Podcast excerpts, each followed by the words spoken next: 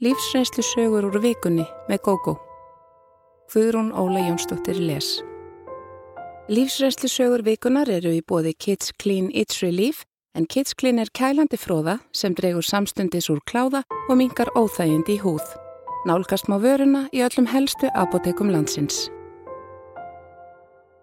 Litla stúlkan með reglifakeruna. Fyrir um 20 árum bjó ég á litlum stað úti á landi. Þegar vel var liðið á haustið, kynntist ég lítilega lítilli stúlku sem var nýflutt til Þorpsins og áttaði mig fljótt á því að líf hennar var engin leikur. Ég vann í sjóppu sem einnig var veitingastæður og stóð yðurlega kvöldvaktir þar. Dimmasti tími ársins var að ganga í garð en jörð var þó kvít og nokkuð mikið frost. Á sjóppunni sneru tveir stórir glukkar út af götunni og þegar lítið var að gera, fyldist ég með því sem framfór fyrir utan. Ég fór að taka eftir lítilli stúlku sem gekk fram hjá sjöppunu um kvöldmatalitið á hverju kvöldi, ekki bara einu sinni, heldur fram og tilbaka. Hún var með um það byl árskamalt barn í reglívarkerru með sér. Sjálf virtist hún vera tíu eða ellifu ára og gömul. Fyrir skömmu hafði ný fjölskylda flutt í þorpið og ég áttaði mig á því að stúlkan tilherði henni. Stúlkan var illa klættið þessum kulda, var kvorki með vettlingan í húfu eða í kuldaskóm. Littla barnið í kerunni var þó vel klætt og einning litli bróðir stúlkunar sem kom stundu með og hjælti annað handfang kerunnar. Eftir nokkra daga varð mér eiginlega nóg bóðið.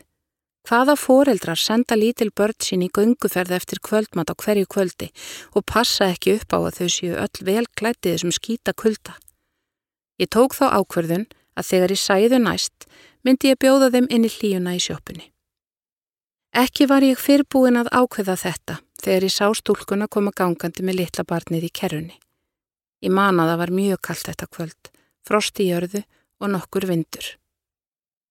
Ég fór út í dyr og beigð eftir því að hún kemi tilbaka. Þegar þau nálguðust spurði ég hvort þau vildi ekki koma inn og stúlkan þáði það strax. Á þessum tíma kvölds var alltaf lítið að gera, svo ég bauði henn að setjast hjá mér og spurði hann að hvort hún vildi ekki eitthvað heitt, eins og franskar kartublur. Hún þáði það klöði í bræði. Hún borðaði og laumaði líka einni og einni kartublu upp í litlisvistu sína sem satt þögul í kerrunni. Eftir smá stund leit hún á klukkuna sem þá var farin að ganga í nýju. Þegar ég spurði hvort hún ætti að vera komin heim á ákveðnum tíma, saðist hún eiga að koma heim klukka nýju. Við náðum að tengjast svo litið þetta fyrsta kvöld og ég sagði henni að hún væri velkomin aftur næsta kvöld, ég væri á vakt þá. Þessi elska mætti fljótlega upp úr hálf átta og næstu kvöld líka. Smám saman fekk ég upp úr henni hvers vegna hún væri alltaf svona seint úti á kvöldin með litlusistu sína og stundum bróður. Hún sagði mér að móður hennar og stjúpfæðir hefðu ákveðið að flytja út á land og hér þekktu þau engan. Hvorugt þeirra vann og nóvar af börnunum. Hún sagðist vera 11 ára og yngri hálsískinni hennar voru einsás, stúlkan í kerrunni og bróðurinn sem oft var með í för var þryggjára.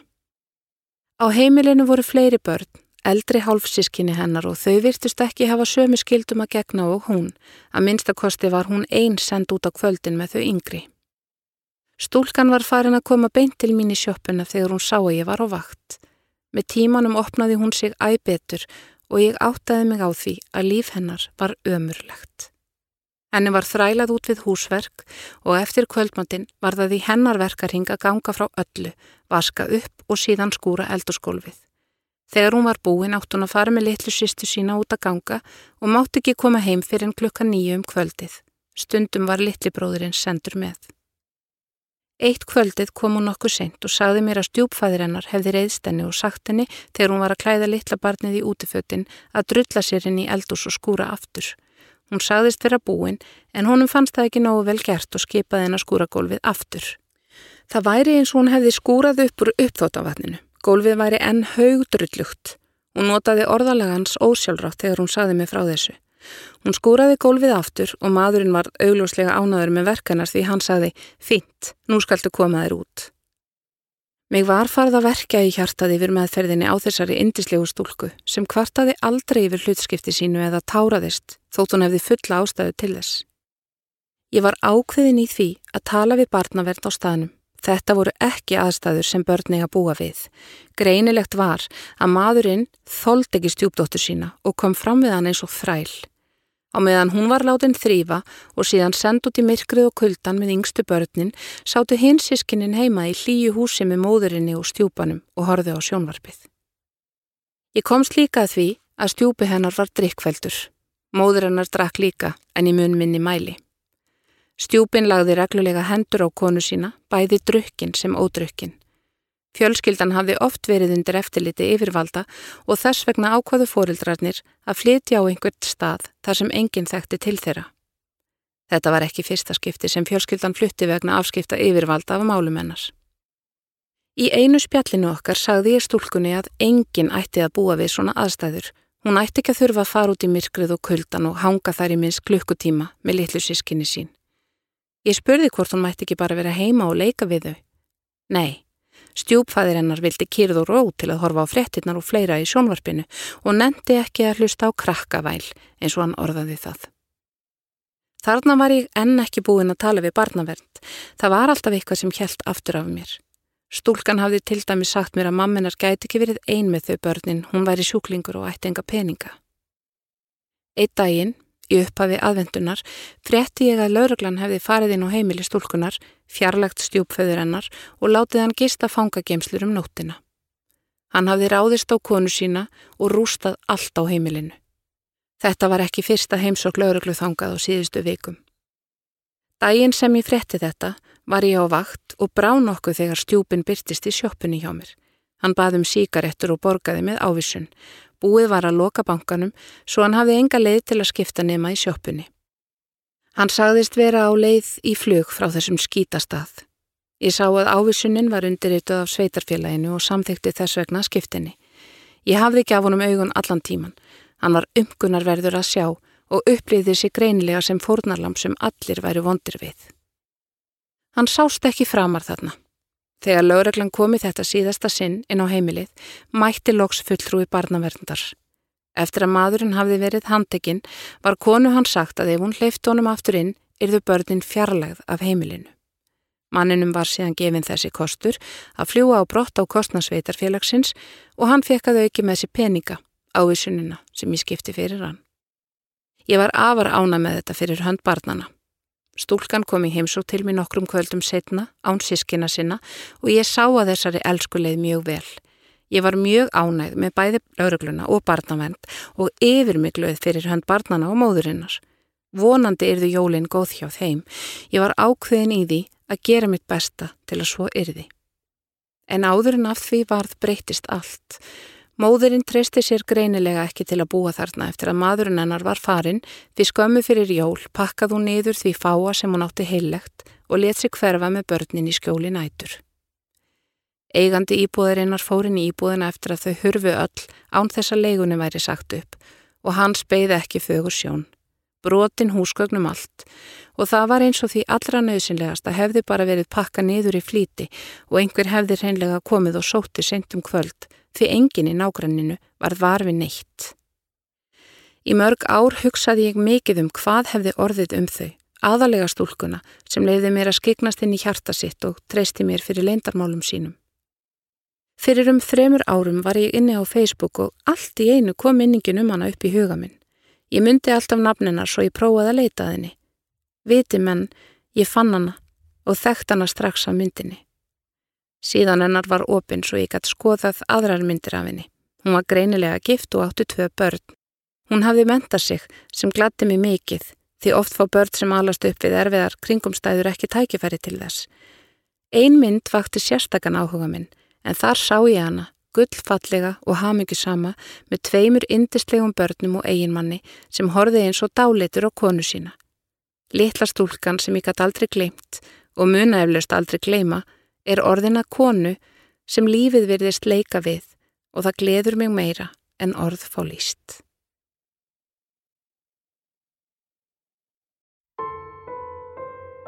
Ömmustrákur í vanda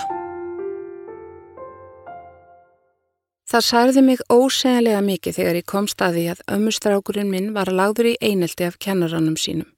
Hann var bara sex ára og hafði hlakkað mikið til að byrja í skólanum. Þegar ég fekk að heyra hvað hefði gengið á um veturinn, tók ég til minna ráða. Ég fyldist vel með, en úr fjarlægð, þegar Árni, elsta barnabarni mitt, hóf nám í sex ára bekki Reykjavík.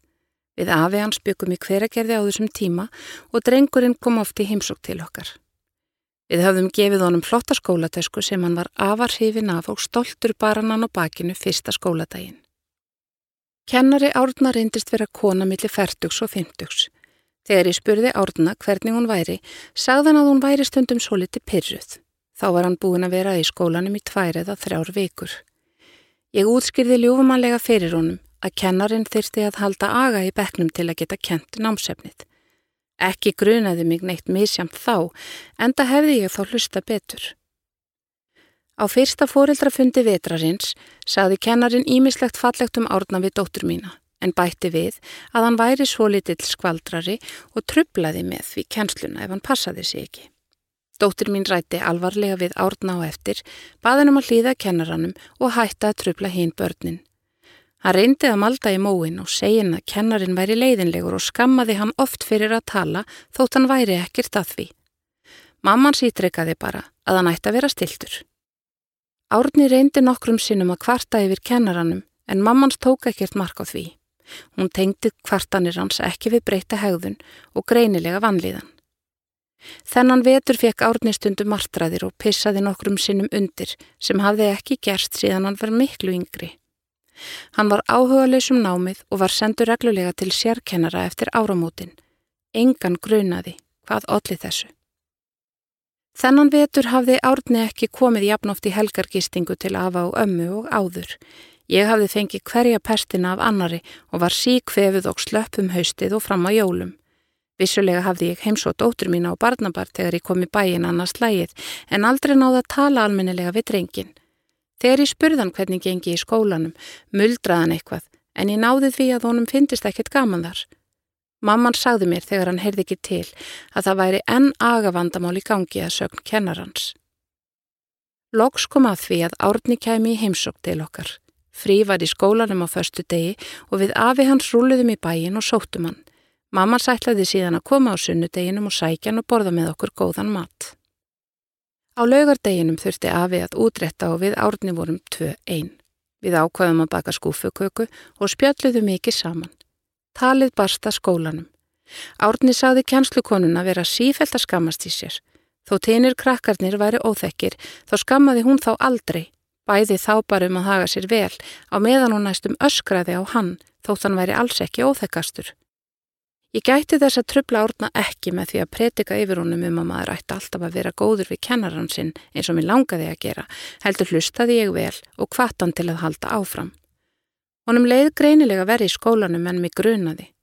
Hann sagði að hinnir krakkarnir í bekknum væri farnir að gera grínað honum fyrir að hann þyrsti að sitja við sér borð út í hortni. Þarna sperti ég eirun fyrir alvöru og baða hann um að útskýra þetta betur. Þannig var að strákurinn sem satt við hlið hans hafði í stríðinni tekið strókleður frá árna og árni baðanum að skila því aftur. Hann hefur eflust hækka rómin sem er alveg skiljanlegt.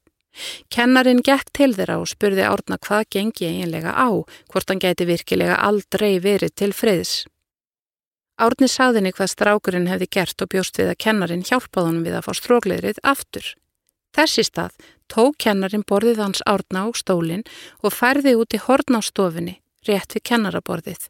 Þarna skild hann sitja aðleitt framvegis fyrst hann gæti ekki verið stiltur. Árni talaði um hina krakkana í beknum og sagði að sumir væri mjög óþægir eins og til dæmis eitt trekkjusvinnið í beknum en samt væri sá drengur eiginlega aldrei skammaður. Ef Árni og vinir hans spjalluðu saman þegar þeir voru á leiðinni inn í kennslustund kallaði kennarin alltaf nafnið hans ekki hinnastrákana og baðan um að reyna að þeia svona einu sinni. Árni hermdi eftir henni og ég áttaði mig á að þetta var alvarlegra en svo að þetta myndi lagast af sjálfu sér. Elsku árni minn ætlaði ekki að geta hægt að tala, loksins hlustaði einhver á hann. Ég fekk áfall við að heyra frásög drengsins og lofaði honum því að amma skildi gera eitthvað í málinu. Þegar dóttir mín kom daginn eftir til að sækja drengin, sagði ég henni undan og ofan af þessu og henni döð brá. Hún vann mjög mikið á þessum tíma og ég sá að hún ásakaði sig fyrir að hafa ekki hlusta betur á hann. Hún skildi þarna hvað breytt hegðun árna táknaði, af hverju hann fekk martræðir og leið svona illa. Ég sagði henni að ég ætlaði að skella mér í bæi næsta morgun og fara með drengnum í skólan. Ég vildi fá að sjá með eigin augum hvað gekk á.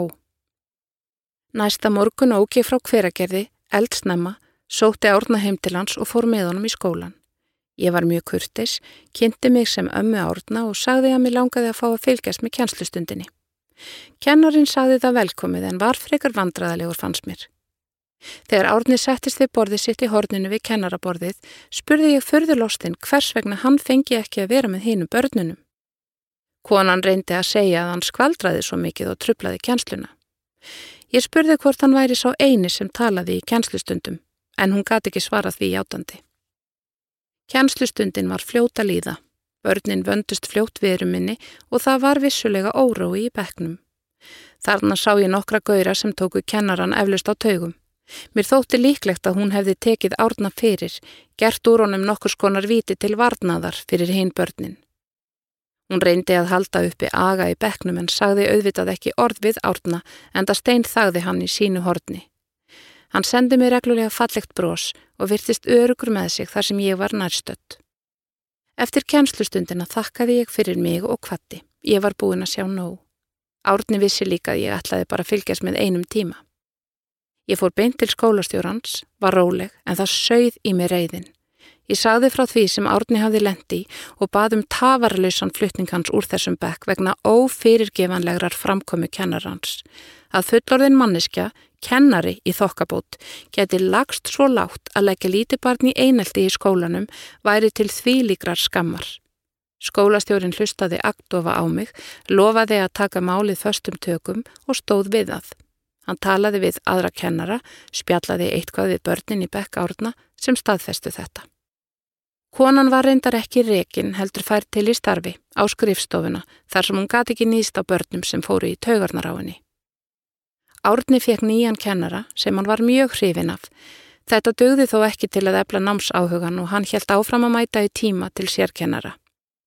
Illa gekk að kenna honum að lesa og hann varði ekki almennilega læs fyrir nýjára. Ég talaði við nýja kennaran undir vorið og spurði út í hegðun árna Kennarinn sagðan vera ljúfan og góðan dreng. Hann glemdi sér vissulega stundum og færi að masa við hina krakkana en hann væri ekki einnum það og þetta væri síður en svo vandamál. Mér langaði að gráta af gleði þegar ég heyrði þetta og var enn ánaðari með þetta yngripp mitt. Andleg líðan árna breytist mjög hratt til hins betra.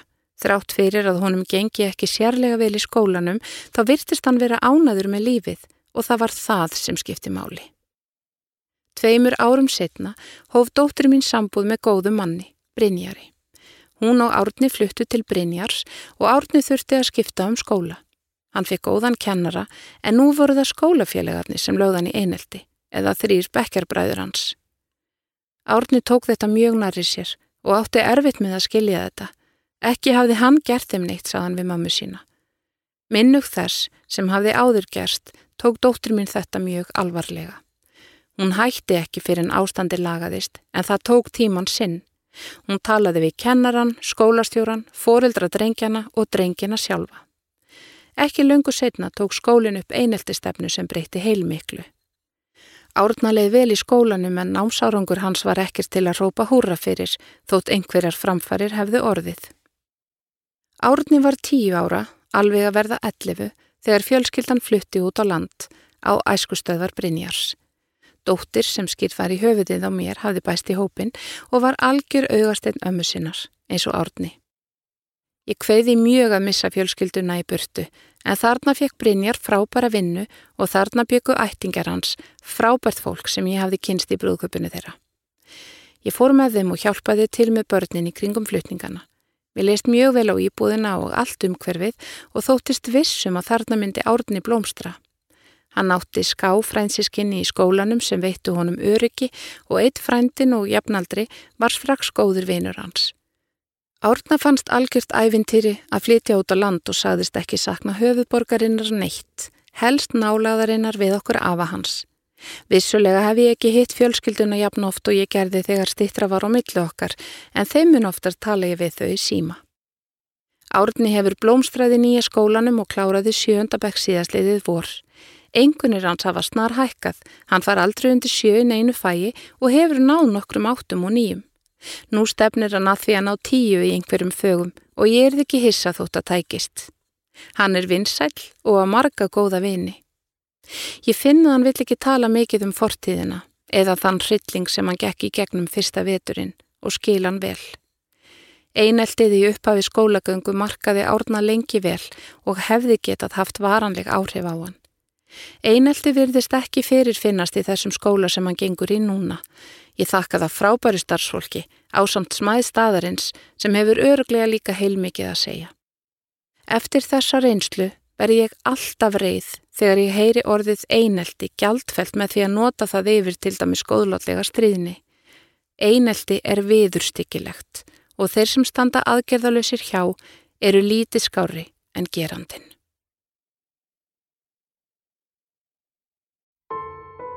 Maðurinn á jólaballinu Í desember fyrir nokkrum árum sá ég mann sem heitlaði mig við fyrstu sín. Við töluðum ekkert saman en ég gati ekki glimt honum. Þetta reyndist vera gagkvæmt og með ýmsum ráðum tókst honum að hafa upp á mér. Ég bjó ein með síni mínum á þessum tíma. Barsfæðir minn hafði flóið á braut þegar hverstagslífið með allri sinni ábyrð varð honum á viða. Lífið varð mun auðveldar án hans. Fóreldrar mínir byggu í næsta nágrinni í sveit skamt fyrir utan bæin og réttu mér hjálparhönd þegar þurfti. Það eru ekki allar einstæðar mæður jafn hefnar og ég var, það veit ég vel og ég kunni vel að meta hjálp sem er fóreldra minna. Ég reyndi að endurgelda þeim eftir bestu getu aðstóðaði þau við sláturgerð á haustin, bakstur og laufabröðsgerð á aðvendunni og annað sem til fjall og hafði bara gaman af. Gamla heimilin mitt er ekta gamaldags heimili þar sem ég naut mikils öryggis í æsku og sonur minn fekk sinn skerf af því. Í miklum vinnutörnum var sonur minn hjá þeim og í þau örfáskipti sem ég fór út að skemta mér með vinkonum mínum gættu þau drengsins með mikilli gleði. Hvennfélagið í sveitinni heldur alltaf jólaballi í félagsheimilinu millir jóla og nýjárs og hefur gert í fjölda ára. Ég fór á þessi böll þegar ég var lítil og þótt ég væri flutt úr sveitinni datt mér ekki í hug annað en að fara með sónminn á jólaböllin. Hann skemmti sér alltaf vel, var aldrei rætur við jólasveinin eins og sem börnin, vildi helst verið í fangin á honum, en það myndi jólasveinin óneitanlega svo litið á avans. Svo kom að örlega ríkasta jólaballi lífsmins og þá var sonur minn orðin fimm ára. Allt var eins og venjulega, sungið og dansaði kringum jólatri. Það voru veitingar, kakó og tertur og svo kom að því að jólasveitnin leti sjá sig. Strax og ég kom inn á jólaballi tók ég eftir hávöksnu myndarlegu manni sem var þarna með dóttur sinni. Ekkert sást til móðurbarsins en hann var með miðaldra hjónum úr sveitinni og mig grunaði að þau gætu verið foreldrar hans. Ég kannadist við þessi hjón eins og flesta þarna í kring en þau höfðu ekki átt heima þar nema í nokkur ár og ég vissi lítið um börn þeirra. Ég hafði frá 16 ára aldrei verið í námi utan heimilis og datt svo litið út úr öllu í sveitinni í kjölfarið. Enda kom ég bara nánast sem gerstur eftir það til pappa og mömmu og þau tala aldrei mikið um náhungan. Ekki þorði ég fyrir mitt litla líf að spyrja mömmu eða pappa úti þennan myndar mann sem skotraði svo oft augunum til mín. Ég vissi samsagt ekkert hvað þessi maður hétt en þóttist vissum að hann væri sonur hjónana sem hann var með. Ég var þó nánast vissum að hann ætti ekki konu. Mér fannst ég kannast við hennan mann þrátt fyrir að ég vissi að ég hefði aldrei á æfinni síðan. Það voru svo miklu ströymar á millokkar þótt við töluðum stekkert við, bara brostum hvort til annars á danskólfinu með börnum okkar. Ég sá að hann var afar góður við dóttur sína sem líktist honum mjög. Mér langaði svo mikið að tala við hann og það var gagfæmt síndist mér, en þetta voru sannlega ekki réttu aðstæðurnar, jólabal kvenfilagsins, þar sem kynnslóðir skemmtu sér saman og börnin í aðalutverki. Þeimni spilaði eflaust líka inn í. Næstu daga hugsaði ég mikið um unga mannin. Ég hafði aldrei áður hitt mann sem ég reyfst svo mikið af, án þess að þekkjan. Stundum sati við tölvuna og hugsaði um leiðir til að finna hann. Ég fletti fóruldrum hans upp á já.is en þar voru bara nöpp þeirra og dóttur þeirra sem greinilega bjó heima. Þar sem ég vissi ekki hvað hann hétti, gati ég ekki leita hann uppi á Facebook. En þó fór ég inn á síður Facebook-vina minna á sveitinni til að aðtúa hvort hann væri mögulega líka vinur þeirra. Ég hefði þekkt hann á mynd. En allt kom fyrir ekki. Ég gat ekki fundið hann.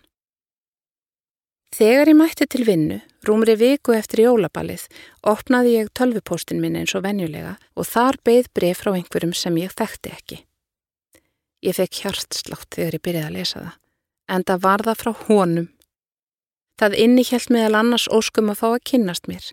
Hann sagðist að hafa tekið eftir mér á jólaballinu og í kjölfari langaði hann að hitta mig. Mér tókst í gæðsraringu minni að senda kurtislegt bref tilbaka þar sem ég sagði að ég hefði líka tekið eftir honum og vildi gerðnan hittan. Það er ekki hægt að lýsa líðan minni þarna. Ég fann fyrir fyririldum í maganum, ótrúlegum spenningi og gleði. Það var ekki auðvelt að vera í vinnunni þennan morgun. Ekki langaði mig að deila þessum spenningi með fólkinu þar.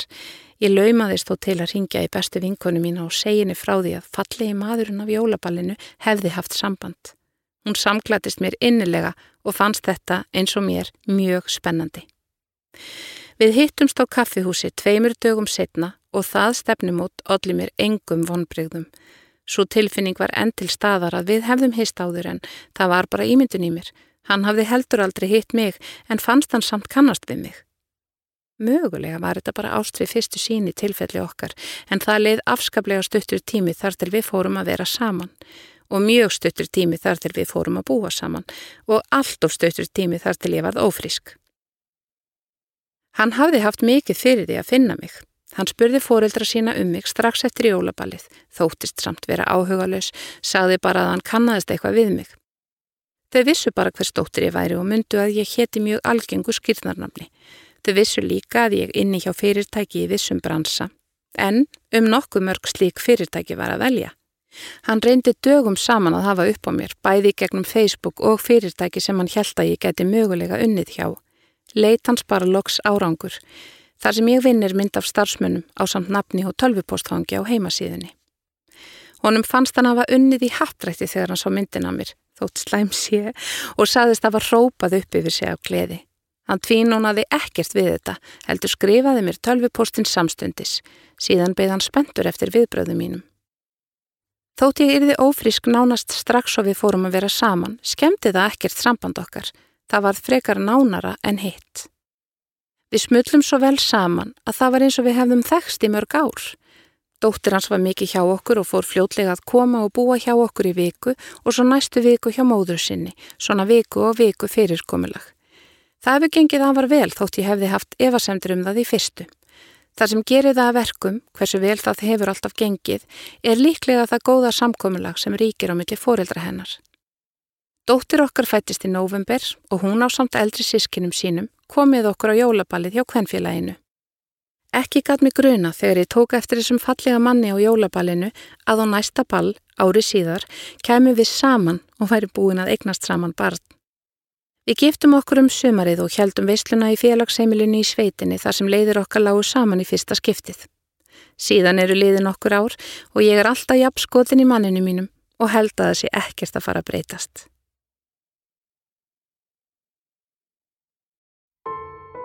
Nískan drap ástina Vinkona mín var með sérlega nísku manni í eitt og hálft ár. Hún áttaði sig ekki sjálf á því hvað hann var saman saumaður fyrir en þau fóru saman í saumarfrí til útlanda. Ég kynntist Benna aldrei mjög vel, jafnvel þótt ég væri öll að vilja gerð. Einn besta vinkona mín var jú kærastan hans. Þau byggu aldrei saman en líklega hefði sambandið ekki staðið jafn lengi og það gerði ef þau hefðu farið í sambúð. Ásta er vönað hugsa um sig sjálf og hefur aldrei fengið neitt upp í hendurnar í lífinu. Hún hafði búið ein með síni sínum frá því hann var árskamall eftir að sambandi hennar og barsföður hennar laug. Henni tókst þó að menta sig og var ágætlega stött í lífinu í eigin íbúð og góðu starfi þegar þau benni kynntust.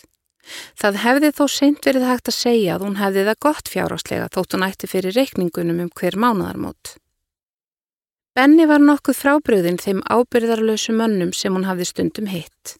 Hann var ballus, hafði það mjög gott í lífinu og var í frábæru starfi. Hann virtist einhvern veginn svo pottéttur og það kunni ástæða með þetta. Fyrstu kynni okkar benna voru í matarbóði heima hjá ástu. Við vorum mörg og öll tókum við með okkur drikjarfung, rauðvin, kvítvin eða bjór sem við komum fyrir á borði í borstofinni. Allir nema benni. Hann hafði tekið með sér eitthvert fínt rauðvin og til að engin annar fengi sér af því, gemdi hann það inni í Svefnherbergi ástu. Venjan var þó í bóðum að allir gáttu fengi sér það sem þeir vildu. Við færðum ástu þetta vín og það var ætlað öllum. Benni gata alveg verið skemmtilegur en samt var hann svo litið ferkantaður í hugsun, skorti viðsýni að mínu mati. Ég ákvað mig sjálfur í mér að dæman ekki fyrir að passa svona upp á rauðvinni sitt en ég hafði lúmst gaman af þessu. Þegar ég held matarbóð nokkru mánuðum setna mætti hann með ástu og tók með sér fínt vín. Hann spurði mig hvort hann mætti ekki geima það afsýðis svo að hann geti haft það í friði. Ég kváði og fór að hlæja en sagði það ekkert mál en yfirleitt væri það þannig að allir mættu með eitthvað sem væri ætlað fyrir allan hópin. Það gatt Benni greinilega ekki hugsa sér, sagði að þá getu hinnir komið með ódist og vond vín en samt drukkið bara dýravínið hans. Við höfum nú ekki lendið því enn, saði ég hissa og bætti við að það væri samt bara allt í lagi. Ég sínd honum skáp sem hann kom flöskunni sinni fyrir í og þangað fóran og sótti sér vín í glasið um kvöldið.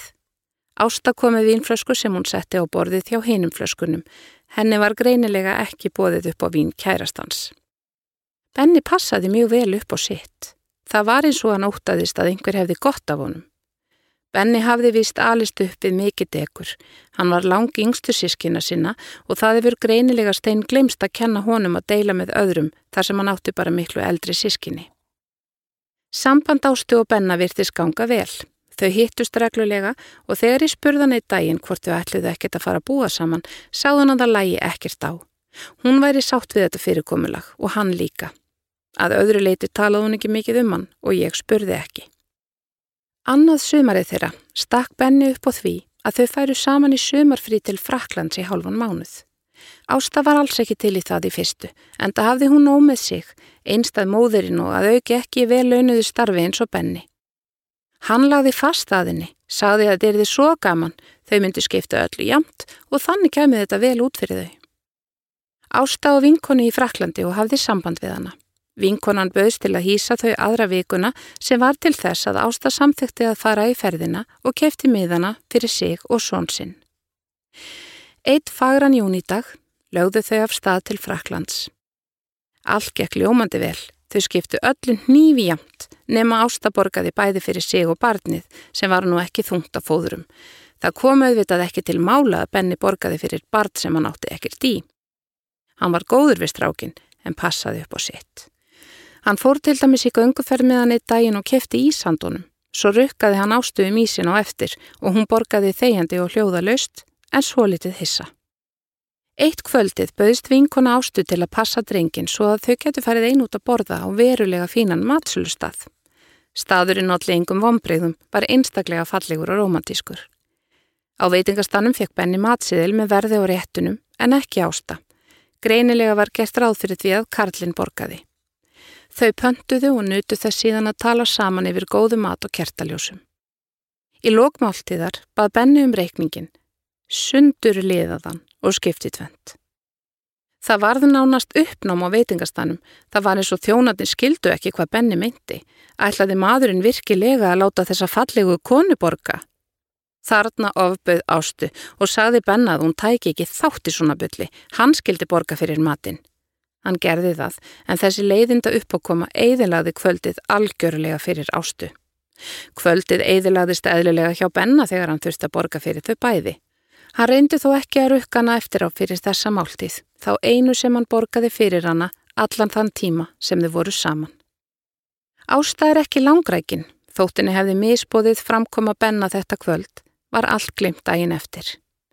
Þau tóku bíl á leigu sem þau borguðu auðvitað nývi jamt fyrir og ferðuðust aðeins um Frakland setni vikuna þeirra og gistu á ótyrum gistihúsum. Ferðin var hinn ágetasta þrátt fyrir uppákomin á veitingastanum. Ég hitti Ásti skömmu eftir að hún kom heim og hún var í sjönda himni eftir ferðina, solbrún og sæl. Hún sagði mig hlæjandi frá atvikinu á veitingastanum og ég gati ekki stilt mig um að segja mér finnist Benni ansir einn nýskur. Já, hann á þetta alveg til, samþjótt hún og síndi mér sundurliðaðan reikning frá honum þar sem framkom að hún skuldaði honum 20 efurur eftir ferðina. Ástu fannst þetta nokkuð fyndið og var búin að borgunum en þarna virtist hún þó vera farin að átta sig betur á því hversu ótrúlega nýskur Benni var. Ég spurði hana hvort ekki hefði verið ráðarsendunum tilbaka reikning fyrir gistinguna sem hún útvegaði þeim frítt, hvort Benni væri ekki raun í stóri skuld við hana. Ásta hló bara og sagði að þau hefðu nú skipst á að kaupa í matin hjá vinkonu hennar og líklega hefði hann litið á það sem hæfilega borgun fyrir gistinguna. Örfáum vikum setna voru þau hætt saman. Ásta sagði mér að nýska hans hefði eflust átt þátti því að gera úta við ástina. Hann væri góður maður á margan hátt en hanna langaði ekki að verja æfinni með svona manni. Frekar vildi hún berjast í fátækt með berglaveiku ljóðskáldi sem gæfi af sér, bætt hún við og hló. Þó fyrir hefði verið, hugsaði ég. Níska er eitthvað það mesta turn off sem ég veit. Mér finnst ekkert sjálfsagt að karlar borgi allt og ég eindir lengi vel að fá að borga helmingin þegar við Gunni, maðurinn minn, vorum í tilhugalífinu og fórum út að borða. Það kom aldrei til greina af hans hálfu og svo bara hætti ég að nenn að berjast við hann. Hann var svo miklu efnaður en ég, einstað tveggjabarna móðurinn og sagði alltaf að það væri hann sem hefði bóði mér út að borða og því hans að borga. Hann er samt enginn karlremba, síður en svo og fannst að jafnrétti sparóttan ætti ekki að fara fram þarna. Væri ekki næra laga fyrst launamisrétti kynjana? Jam, ekkert skríti þótt ég elski hennan mann. Nýtt líf um fymtugt Sistir mín varð nánast úlingur á nýjan leikum fymtugt eftir að hún skildi við mann sinn til rúmlega 30 ára og draumaprinsinn beigðanar handan við hornið. Við sisturnar ólumst upp í kaupstað á landsbyðinni. Afi og amma byggu í sveitinni skamt fyrir utan bæin og þar dvöldum við sískinin fjögur öll sömur. Anna sýstir giftist tæplega 18 ára gömul, ungu manni þarna úr sveitinni og þá var ég að verða 10 ára. Þau byggu alla sína búskapar tíði kaupstanum en maður hennar átti mörg sískinni svo ekki kvildi skilda á honum að taka við búinu. Hann er algjör þúsundþjálasmiður sem allt leki höndunum á en hann lærði smíði og hafði ekki nokkur áhuga á því að verða bondi. Einu gallin við Ella Mámin var að hann drakk og það mikill.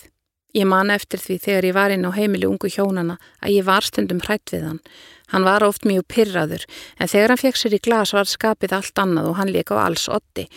Hann drakk oft frá sér allt vit og eftir fjörugt afmæli hjá frænd okkar drakk Elli svo mikið að hann vaknaði í sófa í næsta húsi morgunin eftir. Hann var mjög skrautlegur og margar sögur eru til af honum. Eftir að þau sýstir mín hafði verið giftir um 20 ár var hún orðin mjög þreytt á ástandinu og íhugaði alvarlega að skilja við hann. Í miðjum þeim hugleðingum áttaði hún sig á því að hún var orðin ófrísk. Þá lagði hún öll skilnaðar áform á hylluna og reyndi að gera gott úr málum. Þegar dótturinn sem kom í heiminn þarna var orðin 10 eða 11 ára gafst sýstir mín endanlega upp á hjónabandinu og skildi við mannsinn. Anna varði svo ný manniska við skilnaðin. Hún var ekki nema 17 ára þegar hún fór að vera með Ella og 18 ára þegar elsta barni fættist, svo hún uppliði varla nokkur úlingsár. Nú vild hún bæta úr því og gerði það með látum. Hún heldi sér út í djam og deitt og ímsar kæftasögur um hana fóruð að ganga, fæstar sannarindar en allar frekar krassandi. Hún eignaðist fjöldan allan af aðdáendum kvænta sem heldu að þeir getu fengið að sofa hjá henni af því að hún var orðin einhleip og kornungamenn sem voru ekki orðnir þrítugir. Hún hefði geta verið mamma þeirra. Hún var mjög hissa á þessu. Hún leit þó ekki við kvæntum önnum eða börnunum en var samt nokkuð leitandi þótt hún nýtti þess að vera laus og liðug. Eitt daginn fór hún til spámiðils í Hafnarfyrdi, konu sem er þekkt fyrir að vera afargóði sínu fæi. Miðillin lísti fyrir önnu manni sem hún ætti eftir að kynnast og hann er því maðurinn hennar, einstaklega góður maður. Ími smáatriði komu fram í spátumnum. Hún lísti svo liti sérstakri útihurð á húsinu sem þessi maður byggi í, sá steint gler með sérstöku minstri og svo bætt hún við, þú áttar þig á því hver þetta er þegar hann fer að tala um börnin sín, honum þykir svo vænt um þau og talar mjög fallega um þau. Tveimur árum síðar kynntist sýstri mín manni sem hún hafði reyndar vitað af alla tíð enda frá sama kaupstað og við. Hann var tiltölulega ný skilin við konu sína og hafði unnið gífurlega mikið alla tíð, verið á sjónum en var nýhættur þar. Fyrst í stað voru Anna sýstir og Einar bara góðir vinir. Þau fóru saman í fjallgöngur, tóku saman videomarathon og leið afskaplega vel hvoru í Annars félagskap. Ástinn kviknaði smám saman og þau hófu samband. Anna var búin að gleima öllu sem spákonan í Hafnarfyrði hafi sagt henni en það átti eftir að rifjast upp. Einar rók eitt daginn fram hjá gamla húsinu sínu og síndi önnu það. Konan hans bjóðar enn en það var á sölu. Anna rak augunni sérkennilega út í hurðina með flottum steindum glugga í og þá rifjaðist allt upp. Hún hlómi sjálfur sér og fannst þetta hreint ótrúlegt hvernig miðil gæti vita svona smáatriði. Annað sem var rétt hjá konunni var hvað einar talaði fallega um börnin sín sem hann vildi alltaf besta. Konan hans einars hafði verið slæm á taugum og börnin fóru ekki varhluta af því. Hann áttaði sig illa á ástandinu og heimilinu en það var hann svo mikið að heiman vegna vinnu sinnar. Börnin, sérstaklega það yngsta, 15 ára, voru brotin eftir uppeldið og nú vildi einar reyna bæta þeim þetta upp. Hann var líka hættur á sjónum og hafði meiri tíma fyrir þau. Nú er sagt um sjóminn að þeir séu drikkfeldir en þannig er einar ekki. Hann bragðar helst ekki vín og það fannst sýstur minni mikil kostur. Þegar þau fóru að búa saman, vakti undrun hans hversu sparsum hún var. Hún kváði, fannst hún ekkert sérstaklega sparsum en þá saði hann að launin hans hefði alltaf horfið hans í rætt, alltaf dýrasta og fínasta var keift til heimilisins. Anna kefti til dæmis bónusafa á meðan hans fyrfirandi kefti dýrasta ávakstasafan í búðinni og hún fór aldrei í láfuruverslun. Hann fór að hafa svo miklu meira fjö á milli handana en áður þrátt fyrir að vera hættur á sjónum. Hann er reyndar í fítni vinnu en þó ekki með sömur laun og áður. Börn Einars eru mjög hrifin af önnusistur og kunna vel að meta hvað hún talar alltaf fallega um aðra, öfugt við móður þeirra sem varð heiftarlega afbreyðisum þegar Einar fann sér aðra konu. Hún reyndi að breyða sögur út um þau og ringdi stundum fók reið og heldi sér yfir einas. Í eina skiptið sem anreitist var þegar konan sagði við einar að hún skildi ekki hvernig hann geti hugsa sér að ala upp vandraða unling og þá mynd hún yngsta barn önnu sem var reyndi ekkert vandraða barn, bara ósköp venjulegur og góður krakki.